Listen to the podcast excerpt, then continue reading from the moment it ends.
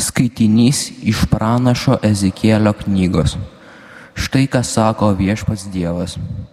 Aš atversiu jūsų kapus ir prikelsiu jūs iš jūsų kapų, mano tauta, ir pravesiu į Izraelio žemę. Jūs žinosite, kad aš viešpats, kad versiu jūsų kapus ir prikelsiu jūs iš jūsų kapų, manoji tauta. Duosiu jums savo dvasę, kad atgytumėte parvesiu jūs į jūsų žemę, kad žinotumėte, jog aš viešpats tai pasakiau ir padariau. Tai viešpati žodis, tai Dievo žodis.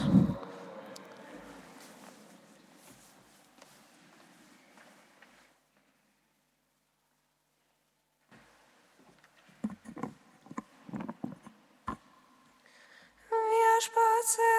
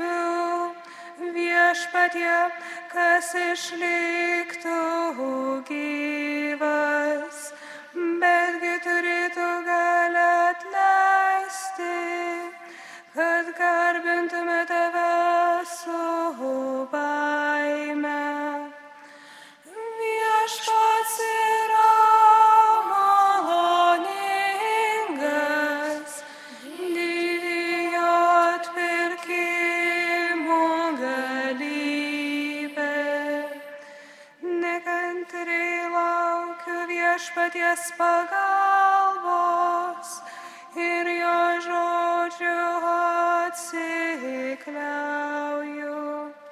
Labiau viešpaties laukiu, negu aušros panaktiniai.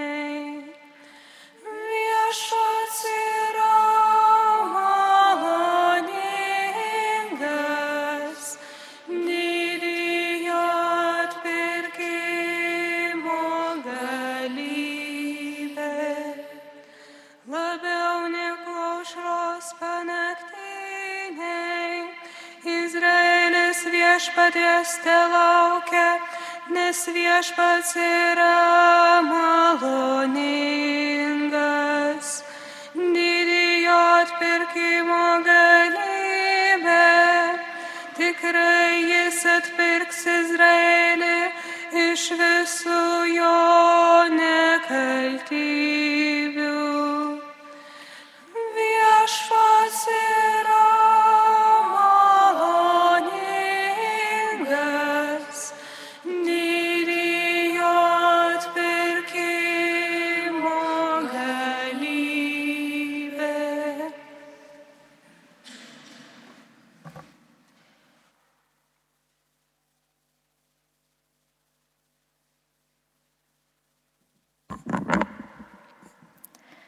Skaitinys iš Šventojo Paštalo Pauliaus laiško romiečiams.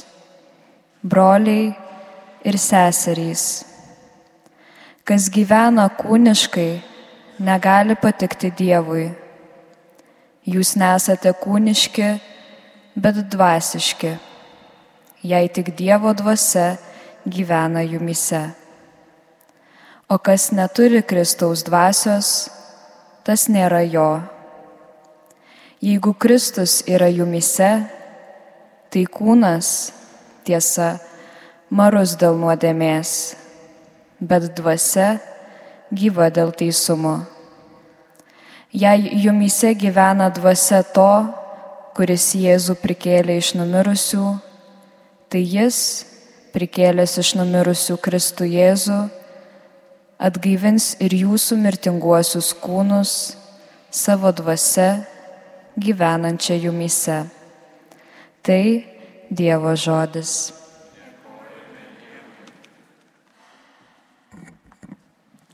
Garbė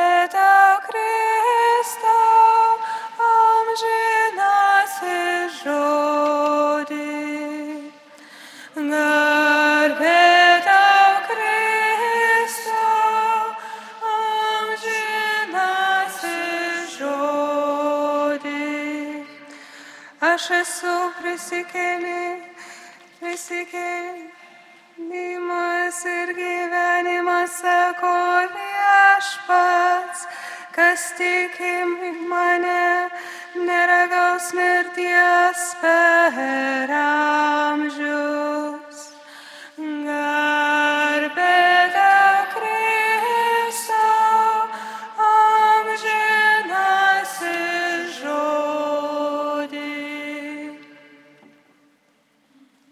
Viešpat su jumis iš Šventojios Evangelijos pagal Joną. Anuo metu buvo vienas ligonis, Lozorius iš Betanijos kaimo, kur gyveno Marija ir jos sesuo Morta. Marija buvo toji pati moteris, kuri patepė viešpatį kvepalais ir nušuostė plaukais jo kojas. Jos brolis Lozorius dabar sirgo. Seserys nusiuntė jam žinę. Viešpatie, tas, kuris, kurį tu myli, serga. Tai išgirdęs Jėzus tarė. Šita lyga nemirčiai, bet Dievo garbiai, kad būtų pašlovintas Dievo sūnus. Jėzus mylėjo Mortą, jos seserį ir Lozorių. Vis dėlto išgirdęs, kad tasai serga, jis dar dvi dienas užtruko ten, kur viešėjo ir tik tada pasakė mokiniams, eikime vėl į judėją. Mokiniai jam atsakė, rabi, ką tik žydai kesinosi užmušti tave akmenimis, o tu vėl ten eini. Jėzus tarė, argi ne 12 valandų turi diena?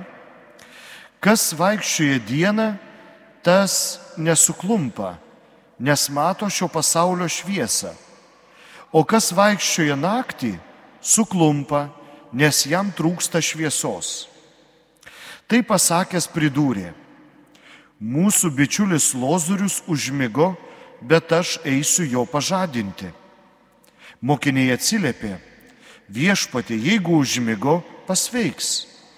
Jėzus kalbėjo apie jo mirtį, o jie manė, kad jis kalbėjęs apie poilsio miegą. Pagaliau Jėzus atvirai jiems pasakė, Lozorius mirė, bet aš džiaugiuosi, kad ten nebuvau, dėl jūsų, kad jūs įtikėtumėte. Tad eikime pas jį.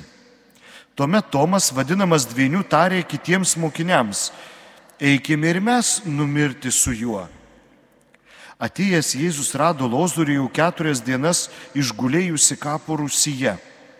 O Betanija buvo arti Jeruzalės maždaug penkiolikos stadijų atstu. Daug žydų buvo atėję pas Mariją ir Mortą paguosti jų dėl brolio mirties. Morta išgirdusi, kad ateinas Jėzus, išėjo jo pasitikti. Marija liko namie. Morta tarė Jėzui, viešpatė, jei būtum čia buvęs, mano brolis nebūtų miręs, bet ir dabar žinau, ko tik paprašysi Dievą, Dievas tau duos. Jėzus jai pasakė, tavo brolis prisikels.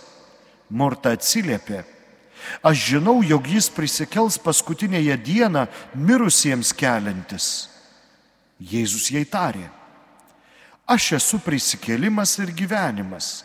Kas tiki mane, nors ir numirtų bus gyvas. Ir kiekvienas, kuris gyvena ir tiki mane, neragaus mirties per amžius. Ar tai tiki? Jie atsakė, taip viešpatie. Aš tikiu, jog tu mesijas Dievo sūnus, kuris turi ateiti į šį pasaulį. Tai pasakiusi, ji nuėjo ir pasišaukė savo seserį Mariją, slapčiomis jai praneždama, mokytojas atėjo ir šaukė tave. Išgirdusi šį greitai pakilo ir nuėjo pas jį, o Jėzus dar nebuvo įžengęs į kaimą, bet tebe buvo toje vietoje, kur jį pasitiko Morta. Kai žydai buvę su Marija namuose ir ją guodę pamatė, ją skubiai keliantis ir išeinant, jie nusekė paskui manydami, kad jį eina pas kapą išsiverkti. O Marija atėjusi ten, kur buvo Jėzus ir jį pamačiusi, puolė jam po kojų sakydama, viešpatie, jei būtum čia buvęs, mano brolis nebūtų miręs. Pamatęs ją verkiančią ir kartu atėjusius žydus verkiančius, Jėzus labai susigaudino ir susijaudinęs paklausė, kur jį palaidojote? Jie atsakė viešpatie, eik ir pažiūrėk. Jėzus pravirko. Tada žydai ėmė kalbėti, štai kaip jis jį mylėjo. O kiti sakė, argi tas, kuris atvėrė neregių akis, negalėjo padaryti, kad šitas nemirtų. Ir vėl susigaudinęs Jėzus atėjo pas kapą. Tai buvo ola užrista akmeniu. Jėzus tarė, nuriskite akmenį. Mirusiojo sesuo Morta įspėjo, viešpatė jau dvokė, jau keturios dienos kaip jis miręs. Bet Jėzus jai tarė, argi nesakiau, jei tikėsi, pamatysi Dievo šlovę. Jie nurito akmenį. Jėzus pakėlė akis aukštyn ir prabilo. Tėve, dėkoju tau, kad mane išklausai. Aš žinojau, kad visuomet mane išklausai Tačiau tai sakau dėl čia esančiųjų, kad jie įtikėtų, jog tu esi mane siuntęs. Tai pasakęs jis galingų balsų sušuko, Lozoriau, išeik. Ir numirėlis išėjo iš kapo. Jo rankos ir kojos dar buvo suvystytos aprišalais, o veidas apviniotas drobule. Jėzus jiems įsakė, atraišiokite jį ir leiskite jam eiti. Daugelis žydų, kurie buvo atėję pas Mariją ir matė, ką Jėzus padarė, įtikėjo jį.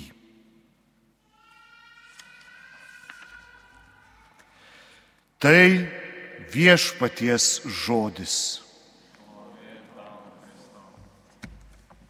Kągi, e, pamokslo pradžioje užduosiu iš dalies gali pasirodyti tokį truputėlį banalų klausimą. Kas yra mišios? Ar mišios yra monospektaklis, kuriame vienas aktorius ant scenos pluša ir vargsta? Greičiausiai nei vienas iš čia esančių taip negalvojate, nes priešingų atveju, kaip sakant, vargas jums ir vargšai jūs nes prasmė tą patį spektaklį žiūrėti kaip minimum kartą savaitėje, kai viskas tas pats kartojasi, nėra prasmės. Ir iš dalies atrodo, turėtų būti aišku, kad a, mišios yra auka, mišios yra puota, mišios yra dialogas, ne egzaminas, kuriame mes išmokstame atsakymus ir Sutikite, kad kartais, bent kartais, automatiškai išpiškinate atsakymą, išduotą klausimą arba pratesite mintį. Kai kunigas sako viešpat su jumis, jūs sakote, o kai kas girdit, sako, čia truputėlį reikės padalyvauti. E, normaliai sakote, bent jau turėjote masiškai atsakyti, automatiškai ir su tavimi, ne? Arba sako, aukštin širdis. Vos žiūrėkit iš karto. Ir ar reikėjo galvoti, ką reikia pasakyti? Nereikia galvoti, automatu. ir, ir sutikite, kartais žiūrite, mišios eina savo, o mintis eina savo. Tai nėra dialogas, tai nėra dalyvavimas. Ar tai yra dialogas ar dalyvavimas, tai reiškia, kad visose mišiose vyksta jisai. Ne tik tais atvejais arba tose vietose, kada žinau, ką atsakyti, bet ir visur kitur. Ir mišiose nėra nieko, kur mes nedalyvaujame. Kartais dalyvaujame atsakymu, kartais dalyvaujame žvelgimu ir garbinimu, kartais dalyvaujame klausimu, bet visą laiką dalyvaujame. Ir jeigu kažkurioje mišių vietoje, kaip sakant, atsijungiu ir tampu pasyviu klausytoju, vadinasi, nebedalyvauju. Ir į tą pasyvų klausimą šiaip įeina ir tos vietos, kada galvoju, kad galiu nedalyvauti, bet turėčiau dalyvauti. Aš suprantu, kad kartais, na, Gesmes, kurios skamba e, mišių metu, kartais gali būti sunku įsijungti, ypatingai jeigu tai būna chorinės giesmės. Daug balsų galbūt neturi išprusimų ir nesusigaudau. Bet psalmė dažniausiai yra ta e, mišių dalis, kur yra visą laiką labai paprasta. Tai nėra daina, kurios aš turiu klausytis. Tai yra e, žodžiai, į kuriuos įsijungdamas aš patvirtinu iš tiesų tai, kas skelbimo per, per Dievo žodį. Ir apie tai kalbu todėl, kad, na, praktiškai per psalmę arba jums nesigirdėjo, ką gėdojo, arba mums kunigams senai esant nesigirdėjo, kad jūs jungiatės. Arba jūs galvojate, kad jūs nemokate gėdoti. Tai tiems, kurie nemokate gėdoti arba galvojate, kad esate be balso, žinia, kurią esu nekartą sakęs, tik dar kartą priminsiu. Jonas Paulius II yra sakęs ir kartojas, neatsimenu, ar pirmoji mintis yra jo, kad, sako, tie, kurie gėda, meldžiasi dvigubai. Nu, kas nenori gauti dvigubai? Dvigubai meldiesi, dvigubai arčiau Dievo būsi ir iškir daugiau malonių bus. Tiems, kurie sako, kad nemoka gėdoti, Jonas Paulius II yra pasakęs, kad gėdot galima išmokti tik tai gėdant. Man atrodo, dar vienas iš šventųjų sakė, sako, kad bėgti mes išmoksam e, bėgant, tenai groti išmoksam mokantis groti, taip gėdoti mes išmoksime tik tai gėdodami. Ir jeigu tylėsite, niekada ir nepradėsite gėdoti. Na ir toliau dar kai ką pridėsiu truputėlį iš savęs. Ne, dar iš Jono Paulius Benarentro, man atrodo, kas sako, tie, kurie, uh, ne, tie, kurie nusigėda, tie meldžiasi praktiškai trigubai, nes reikia žymiai daugiau drąsos. Na, o tie, kurie sėdi šalia tų, kurie nusigėda, tai melžiasi keturgubai. Nes reikia dar ir daug nuolankumo, kad tai priimtume. Taigi, matote, atrodo, sėdėti šalia to, kuris nusigėda, netgi gaunasi didesnė malonė. Tai dabar norėčiau pabandyti pakviesti jūs visus kartu pagėdoti. Paprašysiu dar kartą sugėdoti psalmės priegesmį, kuris skamba viešpats yra maloningas, didijo atpirkimo galybė. Ir pabandykime pabūti viešpatės chorų mes visi esame viešpatės choras. Viešpats yra maloningas, didijo atpirkimo galybė. Na, pabandykime kartu. Viešpats yra maloningas, didijo atpirkimo galybė. Na, jau po truputį matau, dar ne visas burnas prasveriančias, bet matau prasveriančias burnas. Dabar gerai būtų, kad dar ir išgirščiau, kas iš jų išeina. Drąsiai. Na, bent jau pagal įstatymą dalyvaujame, gyvename šalyje, kurie už tikėjimą nepersekėja. Tai drąsiai, bent jau bažnyčiai tikrai galime išpažinti savo tikėjimą. Na, pabandykim dar kartą. Viešpats yra maloningas, didijo atpirkimo galybė. Nu ir dar kartą su tikėjimu. Yra maloningas, didijo atpirkimo galybė. Nu pakelkite rankas, kas iš jūsų numirėt, sugėdoja dabar. Nu, ne vienos rankos nepakelt. Ir iški nei vienas nenumirė. Jeigu numirtumėt, žinokit, yra kunigų arba kurie prikelt, arba kurie palaidotų. Taigi bet kokia tai būtų pasirūpinta. Nebijokit gėdoti, dėkui. Nebijokit gėdoti. Tikrai junkitės. Didelė malonė būti na, viešpaties choro dalimi. Ir jeigu kartais na, kilstas, kad ai, nekoks mano balsas, tai tam tikras nesupraskite, kokį Dievas balsą davė, tegul tokio ir klausosi. O laikas bėga ir pamokslo laikas irgi bėga, tai teks truputėlį pamokslas, kuris buvo paruoštas, patrumpinti. Bet esmė yra ta, laikas yra trumpas. Ir laikas, kuris mums yra duotas, irgi yra trumpas. Jis yra baigtinis. Prabėgo penkios savaitės. Galbūt kažkas iš jūsų net nepradėjote eiti gavėnios keliu. O to jau baigsis Velykos, to jau ateis Velykos. Tai kas nepradėjote pradėkti, nes laikas, kurį mes išvaistome, yra nesugražinamas. Mes išvaisydami laiką prarandam savo gyvenimą. Ezekielis pirmoje, e, kny, e, pirmoje skaitinėje, pranašas Ezekielis, iš viešpatės perdoda dvi džiugės ir labai svarbias žinias. Pirmoji žinia yra tai, kad viešpats sugražins jiems gyvenimą, dovanos jiems gyvenimą. Gyvenimas yra gėris, yra didelė dovana ir mes turime išmokti tą dovaną vertinti ir tą dovaną džiaugtis, išmokti pamatyti Dievo dovanas, kurias mes gauname gyvenime. Tačiau nemažesnė svarbia yra antroji dalis pažado, e, kurį viešpas perdoda per pranašą Ezekielį, kad ne tik duos jiems e, gyvenimą, bet iš tiesų ir sugražins į, į namus. Tai yra sugražins į pažadėtąją žemę. Tai nėra šiaip sugrįžimas į namus po ilgos kelionės, kada gera sugrįžti, nes aš žinau, kur namuose yra kas, nes žinau, kad namuose yra galbūt man patogi lova, galbūt e, mano mėgiamas maistas, galbūt mano e, mėgiamas ir man patinkantis vaizdas per langą, viskas yra mano, man ramu ir gera. Ne, Žydams sugrįžimas namo arba sugrįžimas į pažadėtą žemę reiškia sandoros tesėjimą Dievo ir buvimą su Dievu čia ir dabar. Kad Dievas jų nepleidžia. Tai nėra tiesiog fizinis dalykas, tai yra jų gyvenimo esmė. Jie yra išrinktoji tauta ir išrinktoji tauta turi turėti savoje žemę, turi turėti Dievo pažadą ir turi turėti gyvenimą.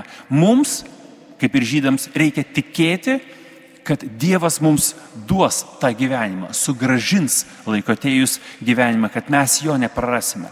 Tačiau tuo pačiu per antrąjį skaitinį iš apaštalo Pauliaus laiško mes suprantame, kad vien tikėjimo, tiesiog tikėjimo kažkuo neužtenka. Jeigu mes nesame suvienyti su Kristumi, Dievas negalės sugražinti mums gyvenimo.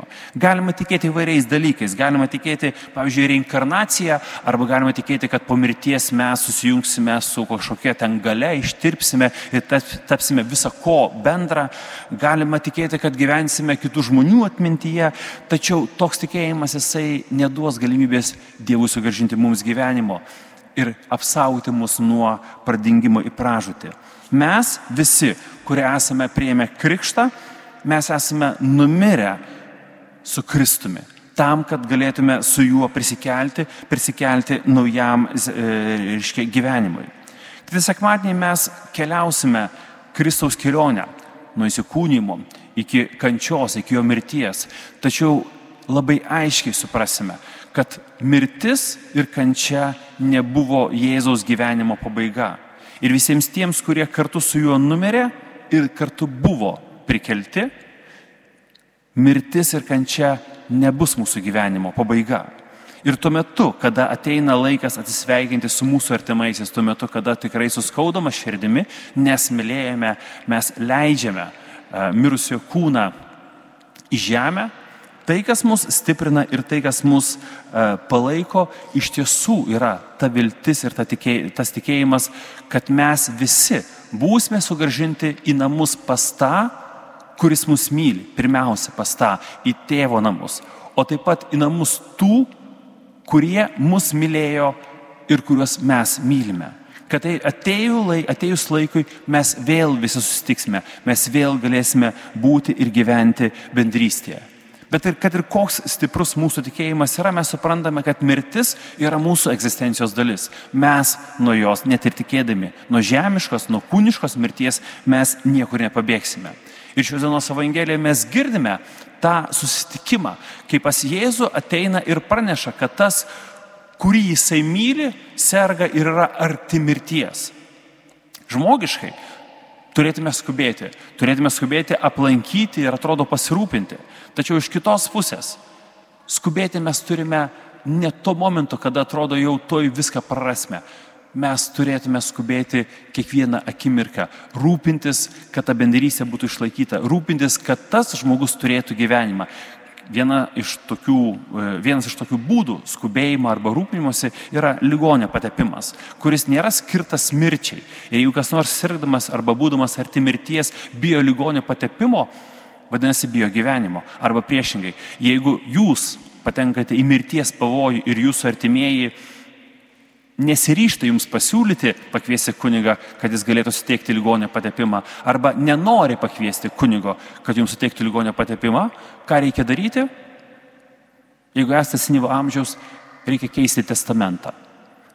Nes tie, kurie nenori pakviesti kunigo, bijo, kad galite pasveikti.